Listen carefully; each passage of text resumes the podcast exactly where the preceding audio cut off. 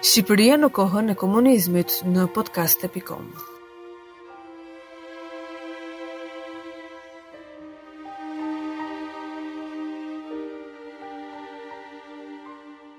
varret të një familje jem.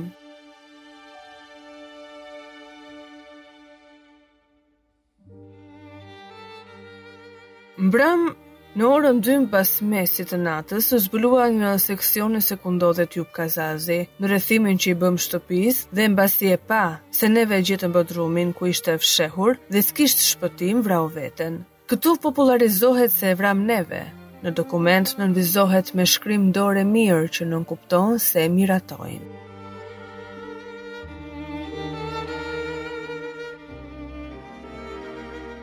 Kemi gjetur disa dokumenta, por ma të rëndësishmet do t'jua dërgojmë Zoi Themeli.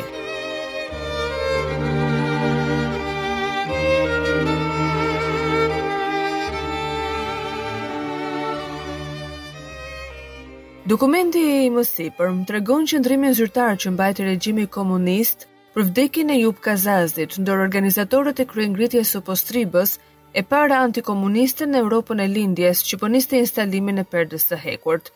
Më 9 shtator 1946, duke e synuar që me Postribën të lironin të burgosurit e të merrnin institucionet, shpërtheu para kohe ajo që sot njihet si kryengritja e Postribës. me disa qindra kundërshtarë të regjimit, mes të cilëve vëllezërit Kazazi. Duke qenë më të paktë në numër dhe me armë, kryengritësit dështuan, ndërsa pushteti u bë më i egër duke arrestuar mbi 1200 veta, hapur 11 burgje të përkohshme e vrarë dhjetra të tjerë. Jupi shpëtoi, por u detyrua të fshihej dhe u strehua tek daja e tij. Më 17 shtator, shtëpia ku fshihej u zbulua pasi u torturua një dëshmitar që kishte dijeni. Duke mos dashur të binte gjallë në duart e komunistëve, ai thirri rroftë Shqipëria. Nuk i dorëzohem klyshëve të Stalinit dhe vrau veten. Ekzekutorët futën në shtëpi të kontrollonin të vdekurin, nipin 16 vjeçar Ahmet Kopliku. I biri i Jupit, Hamza Kazazi, thotë se të atin e masakruan dhe për së vdekuri, kënduan, e hodhën valle dhe ekspozuan në qytet. Pas ngjarjes, Shtatë anëtarët më të afërm të familjes Kazazi u ekzekutuan, vranë veten ose vdiqën, ndërsa dhjetra të tjerë u internuan. Trupat e të vrarëve nuk iu kthyen kurrë familjeve. 73 vite më pas, ende nuk dihen varret e. Halit Kazazi, lindur më 3 mars 1900, i dënuar më 1945 dhe ekzekutuar po në këtë vit në Shkodër.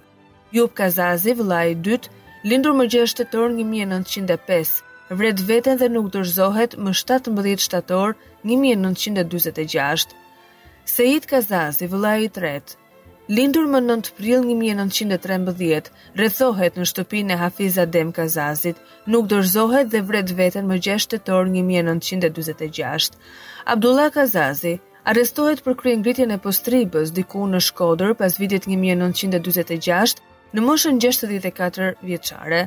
Rifat Kopliku, daja i Jup Kazazit, pas arrestimit më 17 shtator 1946, sepse strehoi nipin, u ekzekutua më 24 shkurt një vit më pas. Osman Kazazi, kushëri i parë i Jup Kazazit, arrestohet më 17 shtator 1946, dënohet me pushkatim dhe thuhet se vdiq në hetuesi në moshën 24 vjeçare. Asim Abdurrahmani Shpuza, djali i tezes së gruas së Jup Kazazit, inxhinier kimist, dënohet me pushkatim si spiun, arrestuar dhe pushkatuar në Tiranë më 8 qershor 1947.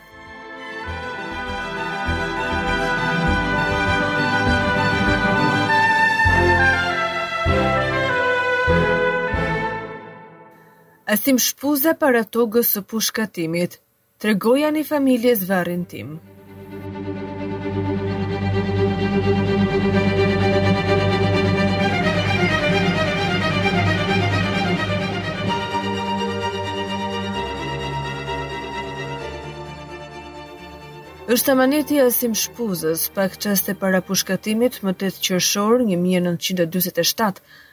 Por amaneti i tij nuk shkoi në vend, sepse varri i Asim Shpuzës nuk u gjet kurrë.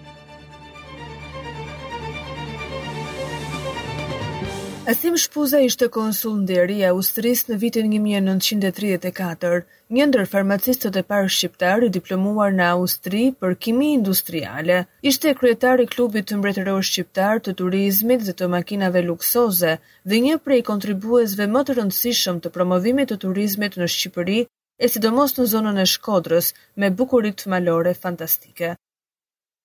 Kur Shqipëria u pushtua nga fashistët italianë, Asim Shpuza mori pjesë në demostratat antifashiste dhe për këtë arsye ai u internua familjarisht në Bresha. Pas përfundimit të dënimit u kthye në Tiranë për të vazhduar punën si farmacist. U angazhua me ndihma me ilaçe për Lëvizjen Çlirimtare, por pavarësisht kësaj, ai u shpall armik i popullit nga regjimi. Pas qëndrimit disa kohë i fshehur Asimi u dorëzua dhe kështu nisi kalvari i vuajtjeve në dhomat e torturave deri në ditën e pushkatimit. Studiuesi Kastriot Dervishi ka publikuar dokumentin. Kur doli në gjyq, fillimisht iu fal jeta. Më pas, gjykatësit e diktaturës e kthyen vendimin duke e dënuar me pushkatim. Për ditët e mundimshme të tij në burgjet e diktaturës kanë rrëfyer bashkëvuajtësit e tij, Ejëll Çoba dhe Petro Marko. Ndërsa kamioni i mbyllur me hekura po merrte Gjush Dedën dhe Asim Abdurrahmanin, pashë Gjushin që po i thoshte prokurorit, Zoti prokuror, si u bë kjo punë?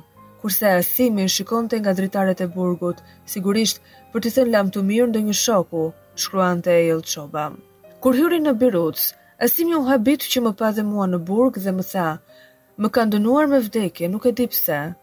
Unë babushin për Bedri Pejanin nuk do ta mohoja, se e kam vjehërr, Pastaj, pse jam përfaqësues i shoqërisë farmaceutike gjermane Bayer, nuk është ndonjë krim, shkruante Petro Marko. Bedri Pejani kishte qenë vjehrri i tij, nënshkrues i pavarësisë, të cilin komunistët shqiptarë ia patën dorëzuar atyre sllavë. Pas torturave ai ndërroi jetë në rrethana misterioze në spitalin e Prizrenit, sipas shumë dyshimeve, i helmuar.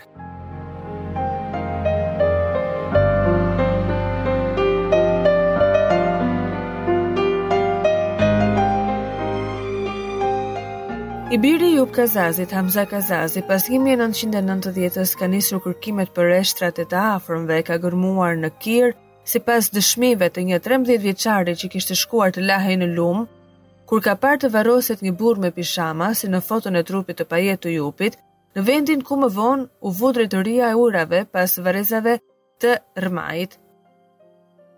Hamza Kazazi, pas shumë gërmimeve, nuk arriti dot të identifikonte të atin, por gjeti eshtra të mbështjella në një veladon, me dorë në zemër dhe me një kryq, Që mendohet se qenë eshtrat e një prifti dhe ia dorëzoi ipeshkvit imzot Zef Simonit në Shkodër, ndërsa kërkon shtatë të zhdukurit e tij prej tridhjetë vjetësh, ka arritur të kuptojë se procesverbalet bëheshin të rreme.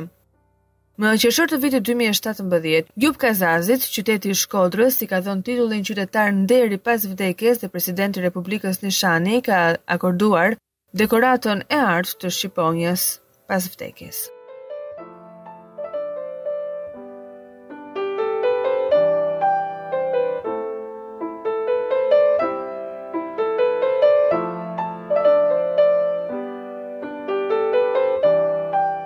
Shqipëria në kohën e komunizmit